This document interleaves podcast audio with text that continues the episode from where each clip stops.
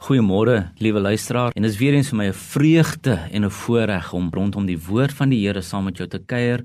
En vanoggend gaan ons lees daar in Matteus hoofstuk 11 verse 28 en 29 waar die Here ons uitnooi en hy sê kom na my toe, almal wat vermoeid en belas is, en ek sal julle rus gee.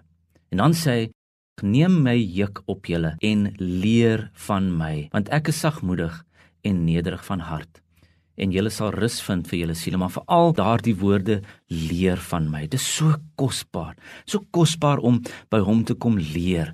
Maar hoe gaan ons anderste leer as ons nie eintlik een baie baie belangrike ding doen En dit is wat dikwels toe ek op skool was, het die onderwysers so gesukkel met die kinders. En my vrou wat 'n onderwyseres is, so gesukkel met die kinders in haar klas wat soms net nie wil luister nie. As hulle almal so praat en hulle praat ons aan mekaar en almal wil iets sê en hulle praat met mekaar, dan is al wat die onderwyseres wil hê is asseblief dat daar sal stilte wees sodat jy kan luister. En dit is eintlik hoe ons gaan leer. Ons moet luister. En eintlik is dit soos wat die kindertjies in die klas is, is dit wat so dikwels vir ons moeilik is. Dis vir ons so dikwels moeilik om te luister, want in ons eie lewens is daar soveel geraas rondom ons. Daar's soveel geraas in ons eie gedagtes. Dis die TV wat aan is en dis die radio wat aan is en ja, dis goed dat die radio aan is by tye, né? Nee? Dis die sosiale media en of dit nou WhatsApp is of Twitter is of Facebook is of al hierdie goed, dit raas so in ons lewens. Dis so aan die gang en ons vind dit so moeilik om hierdie goed neer te sit en af te skakel. En eintlik is die uitdaging wat ons het, is om te luister. Jesaja 55 lees ons dat die Here vir sy volk sê: "Neig jou oor na my toe. Neig jou oor en kom luister na my."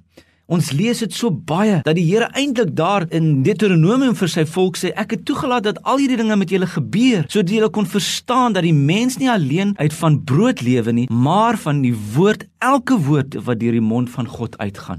So moet ons leer om te luister. So moet ons leer om dinge af te skakel sodat ons by die Here Jesus kan kom sit en leer Here kom leer ons, ek wil kom luister. So kom ons gebruik hierdie geleentheid om vir hierdie oomblikke ons harte stil te maak en net voor hom te kom en te bid. Here, dankie dat u uitnodiging so duidelik is.